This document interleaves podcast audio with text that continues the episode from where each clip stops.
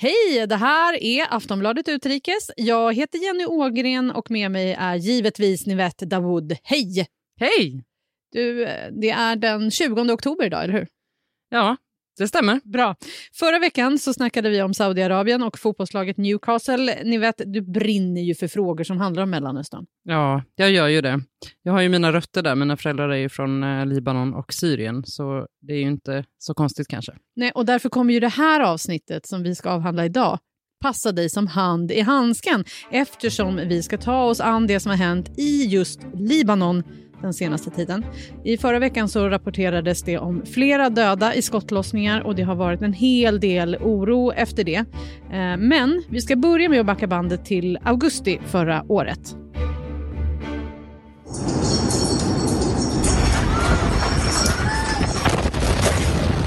It was a massive explosion. What? Another view from the bay.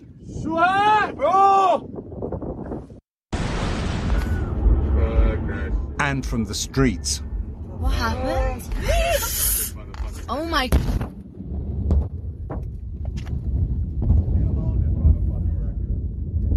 Oh my god.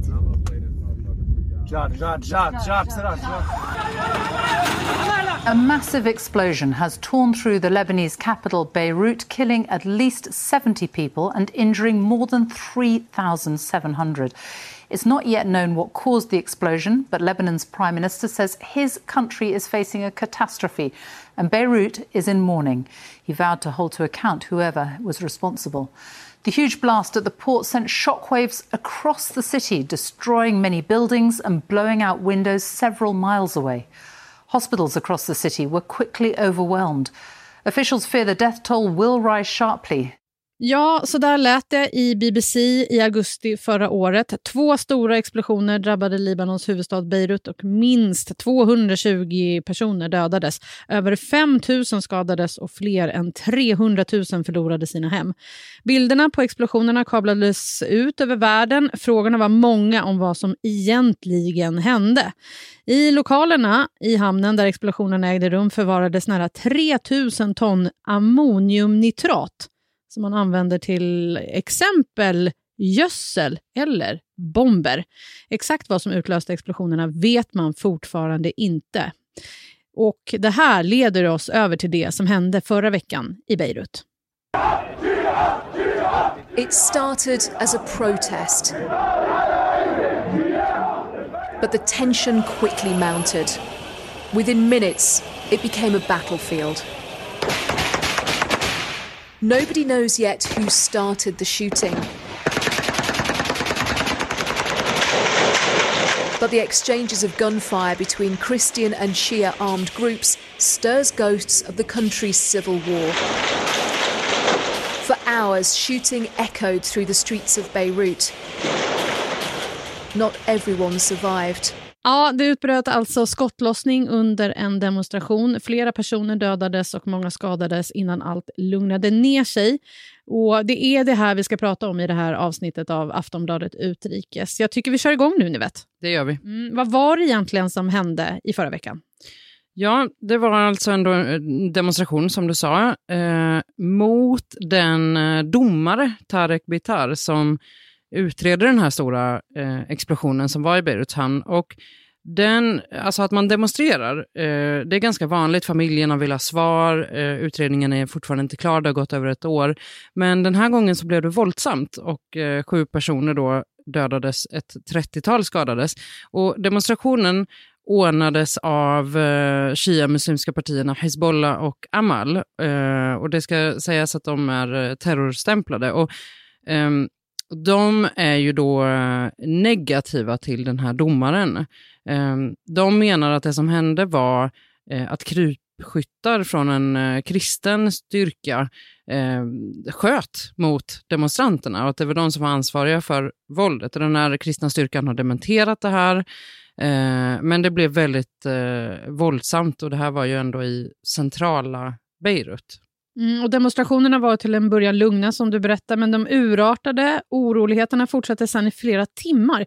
Vad jag förstår så handlar det också väldigt mycket om själva platsen allt utspelade sig på. Ja, precis. Ehm, vi behöver nog sätta det här i ett sammanhang. För jag sa ju det, det, det de var ju demonstrationerna i, i, ganska centralt i, i Beirut eh, utanför justitiepalatset som, som det heter. Eh, men det här området är också den plats i Beirut som man eh, drog en linje, gröna linjen kallade man det under inbördeskriget. Eh, som gjorde staden uppdelad helt enkelt mellan olika stridande grupper och eh, dessutom så präglades inbördeskriget till ganska stor del av krypskyttar.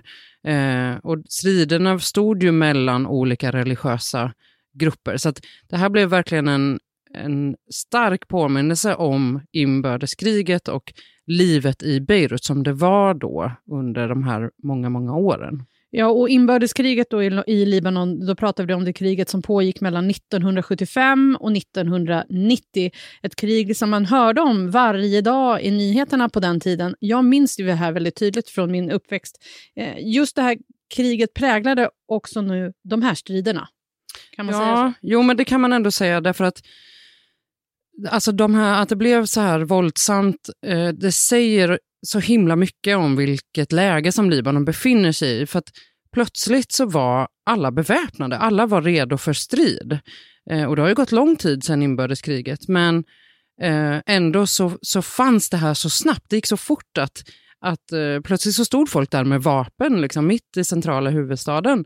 Eh, och dessutom, eftersom striderna faktiskt pågick i flera timmar, så blev eh, människor som gisslan, alltså eh, elever i skolor, eh, människor som var på sina arbetsplatser eller som bara var och shoppade, liksom, eh, som har fasansfulla berättelser om hur de fick lägga sig på, på marken och liksom, ja, skydda sig helt enkelt. Eh, och det här kastade ju verkligen tillbaka människor till det här eh, inbördeskriget, men också till, ja men det har ju varit strider också under 2000-talet periodvis. Liksom. Så det är ju ett skakat folk. Eh, och det gick, just det här att det gick så väldigt, väldigt snabbt på bara några timmar till att det var tillbaka till den här situationen. Liksom. Men som du säger, det har varit lite stridigheter under 2000-talet, men det har ändå varit lugnt nu i, i, i tio års tid. Så varför händer det här just nu? Ja, alltså även om just den här specifika händelsen var ju då eh, kring en eh, demonstration eh, och som handlade om den här explosionen så eh, är ju Libanon just nu ett land i i enorm kris. Alltså man har en väldigt svår ekonomisk kris. Eh, enligt FN så lever mer än tre fjärdedelar av befolkningen i fattigdom. Eh, valutan har sjunkit mer än 90 procent i värde sedan 2019. Alltså man, kan, man har nästan inte sett motsvarande liksom, i, i den här omfattningen i nutid. Eh, och det har ju drabbat, det drabbar ju såklart civilbefolkningen. Eh, och, och, det har varit oroligheter eh, bitvis kring ja, men så här, bensinstationer där man inte har kunnat tanka sin bil, eh, på apotek där man inte har kunnat köpa medicin till exempel. Så det är, Libanon är ett land där det verkligen puttrar av orolighet just nu. Mm, vi ska prata lite mer om eh, varför det är så här oroligt i Libanon om en liten stund. Nu vill jag att vi stannar kvar lite vid just de här protesterna och varför eh, det händer just nu. För de här protesterna förra veckan, det var ju mot den här domaren som utreder explosionen som då ägde rum i hamnen förra året. Ja, precis. Och då eh, ska man bara veta det här att den här explosionen var ju enorm. Det var den. Det var, alltså libaneser pratar om det här som, som deras liksom 9-11, alltså 11 september i USA, eh, som ju var terrorattacker. Och det här är, eh, nu vet man ju inte anledningen till explosionen, men det, det, här var någonting som gjorde att libaneserna som har levt i ett väldigt oroligt land under många, många år, många har vuxit upp med krig, eh, många kände liksom att de fick nog. Eh, jag pratade med vänner och släktingar som har eh, stannat under, under hela inbördeskriget, under strider efter det, under svåra situationer, men som sa att nu orkar inte vi mer, vi måste lämna det här landet, det, det förfaller. Liksom. Eh, men också var de väldigt tydliga med att de ansvariga måste ställas till svar. Så den här utredningen, det var ju självklart förstås att man skulle utreda, men jag tror inte att någon utredning har varit så här viktig för landet som denna. Inte bara för familjerna såklart som förlorade en anhörig eller människor som drabbades liksom direkt, utan för hela landet. För det handlar om så mycket mer om än eh, bara den här explosionen. Det handlar liksom om hur landet ska gå vidare. Och när man läser på om eh, explosionerna i hamnen i Beirut så är det väldigt svårt att faktiskt få en, förstå vad det faktiskt var som hände när det smällde. Och det kan ju inte heller vara helt lätt för den som ska utreda det här att utreda vad det faktiskt var som hände. Nej, verkligen inte. Alltså den här utredningen har faktiskt kantats av problem sen start. Eh, det började ju med att man sa eh, man tyckte kanske att en internationell utredning kunde vara bra, för man ska veta att Libanon är ett väldigt litet land. Eh, och mm, alltså, det, det, är väldigt mycket människor som bor där, men, men eh, det blir liksom väldigt lätt att att alla känner alla om man ska liksom hårdra det. Eh, så då fanns det förslag på en internationell utredning, det gick inte igenom.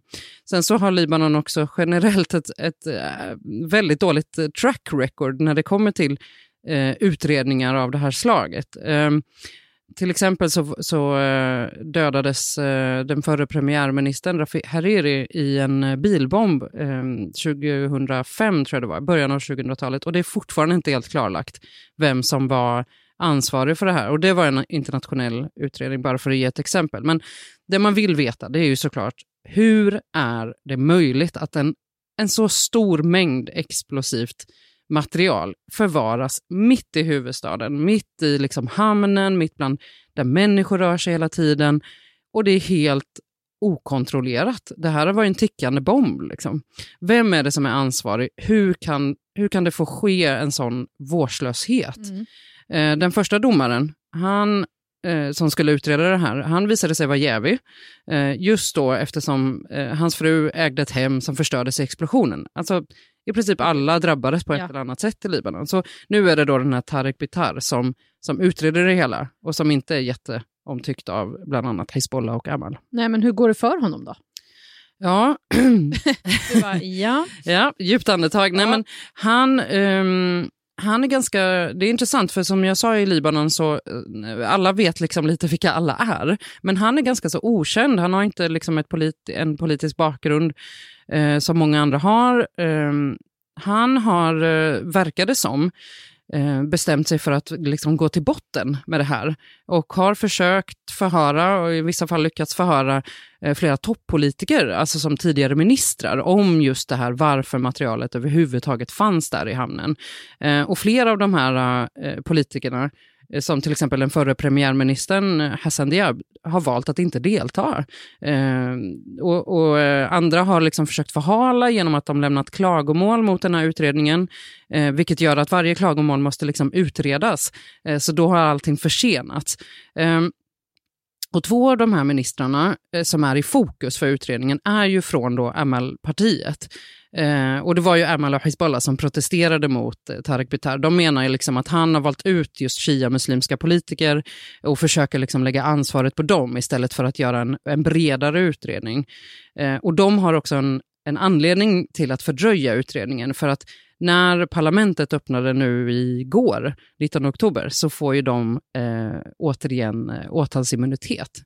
Eh, det man kan säga på andra sidan, familjerna, de är väldigt nöjda med att han, eh, Bitar, faktiskt verkar då försöka gå till källan. Men han har det tufft. Mm, men hur går det då? Kommer man få svar? Ja, alltså Nya ja, suckar här nu. Ja, men det är ju för det här track recordet som jag pratade om. Men, men jag har faktiskt väldigt svårt att se att man kan liksom begrava det här eh, i, i det läge som Libanon är just nu. Han har ju verkligen inget enkelt jobb och frågan är hur länge han kommer stå ut med det här med förhalande politiker. Eh, och om han liksom, även om man då lyckas peka ut ansvariga, kommer de att ställa till svars? För att Eh, här ska man veta att Libanons historia, vi ska liksom inte gå in på det här långa inbördeskriget allt för mycket, men det är väldigt sällan som libanesiska eh, politiker har ställts till svars. Eh, och det här är någonting som är väldigt tydligt att det här har libaneserna fått nog av. Mm. Vad säger du, eh, vad tror man, kan det bli fortsatta, fortsatta oroligheter i Libanon nu? Kring just det här. Mm. Ja, eh, det är det som alla undrar och det är liksom verkligen det här som folk lite så här går och bävar för. är, ja, Mm. och är nervösa för. För det här är ju verkligen en, en positionering som pågår som kanske egentligen är större än just utredningsfråga. Alltså, Hezbollah är en jättetydlig maktfaktor i Libanon. Eh, till exempel så har man en större militärmakt än den statliga armén. Och man testar hela, hela tiden den här makten. Um, alltså, dels i södra Libanon gentemot Israel, uh, och, och, men också i liksom det statliga, i hur, hur landet styrs. Uh, och landet styrs ju inte särskilt bra just nu. Staten har väldigt svårt att hålla ihop. Regeringar har avgått, de har varit, har varit jättesvårt att bilda nya. Um, det finns väldigt mycket vapen som vi pratar om i omlopp. Uh, och, och, samtidigt så är ju libaneserna otroligt krigströtta. Eh, det är ingen som vill, egentligen vill ha ett nytt krig. Eh, men man är också väldigt, väldigt trött på att det alltid är problem. Att det finns inte el, det finns inte bensin, det finns ingen fungerande infrastruktur. Politikerna bråkar, de kommer inte överens. Eh, och att det egentligen då är eh, civilbefolkningen som alltid får lida för det här. Mm. Sen är det ju så, Libanon som många andra länder i Mellanöstern har ju flera religiösa grupper i landet. Eh, det är också de nu som har stridit mot varandra, också den här gången. Hur kommer det sig? Ja, det här är, nu är vi inne på lite knepig mark här, men det finns alltså, eh, jag tror att det är 18 olika religiösa grupper i Libanon. Och alltså, i den bästa av världar, vilket det har varit i perioder, verkligen, så har de här grupperna kunnat leva sida vid sida. Det är det som gör Libanon, eh, i, i min mening, unikt. Och, och, det är väldigt häftigt att ett så litet land, stort som Skåne ungefär, eh, kan samla så många olika religiösa grupper. Men Libanons styre eh, har i flera decennier eh, varit uppdelat efter de här religiösa grupperna. Eh, man kallar det för en sekteristisk uppdelning. Eh, det har man, så har man haft det sedan 40-talet eh, när landet slutade vara ett franskt mandat och blev liksom en självständig stat. Eh, och även efter inbördeskriget så, så slöt man liksom fred kan man säga genom att man delade upp makten mellan de här olika sekteristiska grupperna utifrån hur stora grupperna var då. Man har inte vågat göra en folkräkning efter det. Det säger ju också någonting. Så att presidenten eh, ska alltid vara eh, kristen maronit. Det är en, en, typ av kristendom kan man säga. Mm. Och premiärministern ska alltid vara sunnimuslim. Och så fortsätter det neråt så kan man säga. Talmannen shia-muslim. Där kommer Hizbollah in.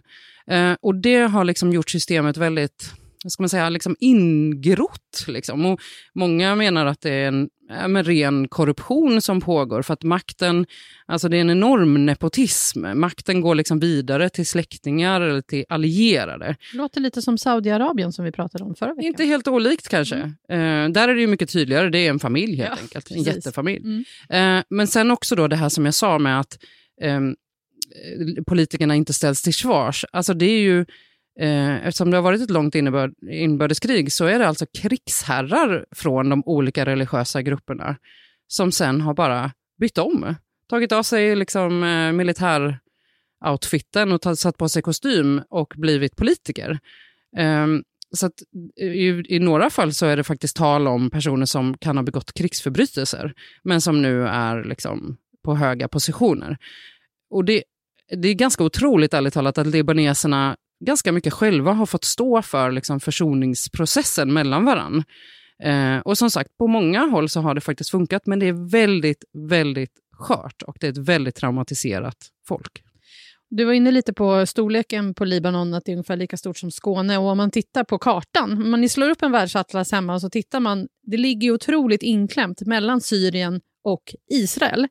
Eh, vilken roll har nu Libanon i den här regionen? Ja, det här är ju också en del, så att säga. Ehm, eh, eh, Hezbollah, som vi har pratat en del om, eh, som ju framförallt finns i södra Libanon, södra Beirut, eh, har ju till exempel väldigt starka band till eh, Iran och Syrien. Ehm, vi har sett det väldigt tydligt, Hezbollah och Iran strider på syriska regimens sida i eh, inbördeskriget där. Um, och eh, som jag sa förut, Hizbollah har alltså en, en, större militärmakt än den libanesiska staten. Det är som en stat i staten kan man säga. Um, så de spelar ju en väldigt uh, viktig roll, liksom, också då som motstånds, motståndsmakt gentemot Israel. Uh, Syrien å sin sida är som en, uh, har liksom haft en, en väldigt mycket så här storebror förmyndarroll historiskt över Libanon.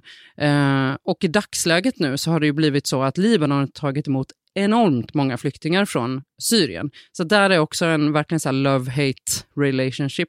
Saudiarabien som du nämnde har också eh, tillsammans med andra gulfstater ett väldigt stort ekonomiskt inflytande bland sunnimuslimska politiker. Eh, jag pratade ju om eh, Rafi Hariri, den förra premiärministern. Hans son har ju såklart också eh, varit premiärminister Såklart. under lång period i Libanon.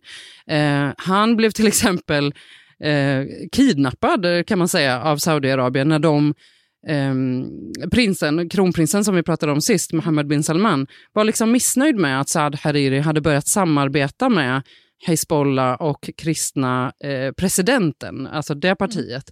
Eh, sen fick han komma tillbaka och så kunde han, eh, han kidnappades, eh, sa att han avgår, kom tillbaka och bara I'm back, nu är jag premiärminister igen. Så att, eh, och det, det här var ju liksom, eh, Saudi gjorde ju det här som ett, en motvikt liksom mot Hezbollah och Iran, att, man inte skulle, att de inte skulle få för mycket makt. Liksom. Så det, alltså Libanon är en, en eh, regional politisk spelplan väldigt ofta och har varit alltid nästan. Och, och såklart, de som hamnar i kläm är de civila. Det låter helt galet. Ja, det är det. Ja. Eh, vi var ju inne lite på det här eh, med vad de nuvarande protesterna beror på. Då kan man ju förstå att det här som du har berättat nu också ligger till bakgrund för de protester som vi sett i landet de senaste åren. Ja, alltså de, eh, de protesterna som började 2019, de, de kallades ju lite slarvigt för WhatsApp-protesterna. Jag tror att det är så många kommer ihåg dem i alla fall. Men det var ju då mot regeringens eh, planer på olika beskattning på till exempel bensin och tobak, men också sån här IP-telefoni som, som WhatsApp är. Eh, för att det är helt enkelt skitdyrt att ringa eh, med ett vanligt simkort i Libanon och ringa och smsa. Så att man använder till exempel då WhatsApp. Eh, det här gick ganska snabbt över till att bli liksom landsomfattande protester mot allt i Libanon. Det här sekteristiska styret, eh, det som då demonstranterna menar är korruption, nepotism, det regionalpolitiska inflytandet som vi pratade om, eh, men också den ekonomiska situationen som redan då, 2019, började gå riktigt illa.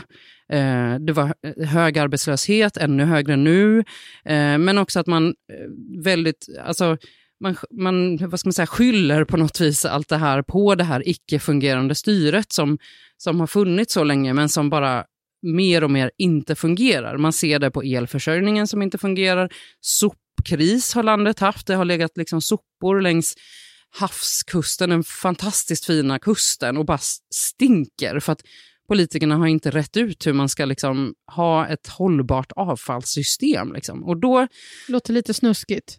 Otroligt. Alltså, det var fruktansvärt att vara i, i Libanon då. Det, det stank liksom.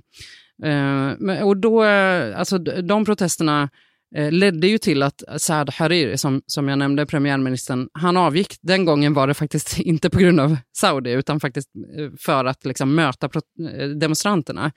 Eh, och demonstranterna ville ju ha då en regering eh, som inte är baserad på religiös tillhörighet. Eh, man ville ha ett kabinett. Men den regeringen avgick efter hamnexplosionen. Mm. Ni vet, eh, du pratar om elbrist och det är bränslebrist och mycket annat. Det verkar inte helt lätt att leva i Libanon trots att inbördeskriget är slut sedan länge tillbaka. Hur är det dagliga livet i landet? Jag läste bland annat att hela landet var strömlöst för någon vecka sedan. Ja. ja det är Hela helt, landet. hela landet. Ja. Helt svart. Ja. Det, ja, det här är liksom ytterligare en dimension. Alltså förutom att det är en eh, inflation, kollapsad valuta, styret är väldigt skört, man har fått en regering, men den är väldigt, väldigt skör. Eh, förstörelsen efter explosionen, alltså området där explosionen skedde, där ligger många sjukhus till exempel. Coronapandemi, Libanon har varit väldigt hårt drabbat där. Så har man ju då också en, en jättebrist på varor. Man har liksom eh, varit beroende av import och där kommer bränsle in. Eh, och det som hände just det här när, när det blev helt strömlöst, det var att landets eh, största kraftanläggningar fick eh, stänga ner. Man hade inte råd att köpa bränsle. Så de fick bara, Så då var det Släcka. svart för hela landet. ja, Och då får man köra ficklampa. Ja, och ljus och liksom, det är väldigt många, alltså både privatpersoner men också sjukhus som betalar jättemycket pengar för bensin, bensindrivna generatorer till Mm. exempel. Och det här är, det här är inget nytt, alltså det är, det är liksom inga konstigheter. Eh, sjukt nog, med liksom flera timmars strömavbrott i Libanon. Det finns en app som säger till dig varje dag att så här, idag är det mellan 9 och 12, då får du sätta på generatorn. Liksom. Nu finns det ingen ström. Eh, så det här är liksom dagliga livet i Libanon. Men då, eh, det här, just den här stora krisen så har man löst det tillfälligt nu med att centralbanken har godkänt ett lån eh, på 100 miljoner dollar för att importera bränsle. Och det här har såklart också blivit en regionalpolitisk fråga. Iran dök upp som någon slags räddare i nöden eh, och började skicka oljeleveranser. Alltså Iran har ju sanktioner mot sig och får egentligen inte eh, handla på det viset. Men, men då kommer det såklart via Hizbollah eh, och det stärker ju Hi- eh, Hizbollah jättemycket. Eh, och då eh, på andra sidan så kom flera arabiska stater direkt och, och tyckte att de, nu ska vi börja leverera gas via Syrien. Så att det, återigen, regionalpolitiska spelplanen Libanon. Låter inte som en riktigt lång, eh, långsiktig håll, hållbar... Vad är det jag försöker säga här? Ja, det är verkligen inte långsiktigt, det är verkligen inte hållbart. Tack Nivette, jag ty- kunde tydligen inte prata helt plötsligt. Eh, men som, som jag förstår, det är inte bara brist på el och bränsle. Nej, det är, det är ärligt talat brist på allt. Som sagt, valutan har kollapsat. Eh, det är en, en hyperinflation. Eh, det, det har för länge sedan satts ett tak, till exempel på hur mycket du får ta ut i bankomaten. Eh, även om pengarna knappt är värda någonting. Så man måste ju ta ut jättemycket pengar för att något ska vara, gå att betala. Men eh, då har det satts ett tak på, eh, man får inte ta ut liksom interna- eller vad säger jag, investeringar som man har gjort. Eh, så folk har börjat liksom, eh, gömma pengar i madrassen, bokstavligt talat. Nej, men, Det är brist på medicin, det är brist på mat, eh, det har börjat pratas om liksom, ekonomiska flyktingar eller liksom elflyktingar, alltså personer som inte har, har, har möjlighet att, att köpa bränsle helt enkelt och som blir liksom, eh, internflyktingar i landet. Eh, Eh, Jag läste om eh, någonting som en, eh, alltså en, en analys där man pratar om shawarma-paradoxen, alltså den här kycklingmackan, kycklingrullen som, som har kostat liksom 5 000 libanesiska pund. Det är ungefär 2 dollar, det är knappt 20 spänn. Liksom. Eh, kostar nu 20 000 libanesiska pund, vilket då samtidigt har blivit värt mycket mindre, ungefär en dollar. det är så konstigt med såna här länder som har så här höga valutor och så är det värt två dollar. Ja, och det brukar inte vara så. Libanon har haft en, en eh, vad heter det, eh, låst eh, värde gentemot dollarn. Eh, Ah, okej. Så det har inte varit så. Men ändå, Mm. konstigt. Men eh, ni vet, vad händer nu framöver i Libanon? Ja, det här är den eh, stora frågan. Ehm, alltså Libanon är på god väg att bli det som statsvetare kallar för en kollapsad stat. Ehm, det är liksom ehm, vapnen som styr, eh, vilka som har makten som styr. Och de, de som är riktigt negativa, de menar ju att eh, de starkaste parterna väntar helt enkelt ut varandra. Att den som har mest tålamod kan ta makten, kanske genom våld. Så det, är liksom, det puttrar. Eh, som sagt, det, är en ny, det finns en ny regering nu som tillträdde i september. Eh, premiärministern har också suttit eh, förut. Det är eh, Najib Mikati, Libanons rikaste man. Han har sagt att den främsta prioriteten är att ta upp samtal förstås med Internationella valutafonden om ekonomiska räddningspaket. Eh, det här är någonting som man har pratat om ganska länge, eh, men misslyckats. För att IMF då eh, vill ju ofta att man gör förändringar i landet, i styret till exempel, har man pratat om här, eh, för, att man ska, för att ett land ska få pengar. Eh, jag läste en, en tidigare förhandlare från alltså rådgivare från Libanon som hade pratat med IMF som sa att jag ger upp, det här går inte. Vi har liksom helt fel grunder för det här och folk vill inte förändra sig. Libanon är på väg mot helvetet, sa han. Eh, och samtidigt, jag menar det här är ju uppe på politikernivå, samtidigt så, som vi var inne på, det är nästan till omöjligt att leva i Libanon nu. Eh, det finns också fortfarande demonstranter som verkligen tror på det här med en regering som är baserat på kunskap snarare än, än släktskap eller religion. Och nu har man faktiskt precis eh, bestämt att eh, det ska hållas parlamentsval eh, nästa vår. Eh, och då eh, såg jag nu faktiskt att man tillåter alltså röster, eh, diaspora-röster så att säga. Alltså människor som har libanesiskt medborgarskap eller som kommer från Libanon men som inte bor där. Det är jättemånga som har lämnat. Det är en enorm brain drain som man pratar om.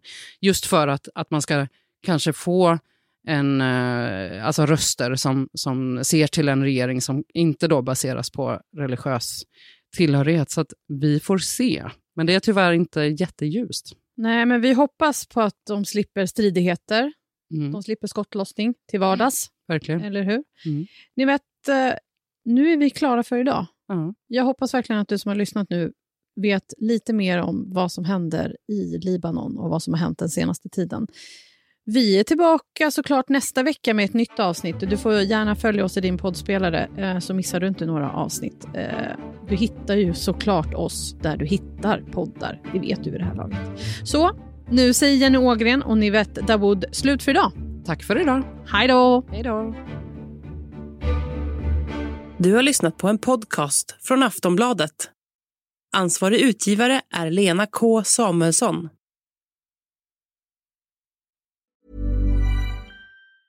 Getting engaged is a moment worth cherishing. A one of a kind ring that you design at Blue Nile can help your love sparkle. Just choose your diamond and setting. When you've found the one, you'll get it delivered right to your door. Finding the right engagement ring can be nerve wracking. At Blue Nile, you'll have the expert guidance needed and a diamond guarantee that ensures you're getting the highest quality at the best price. Cherish all of life's moments and save up to 30% at BlueNile.com. That's BlueNile.com.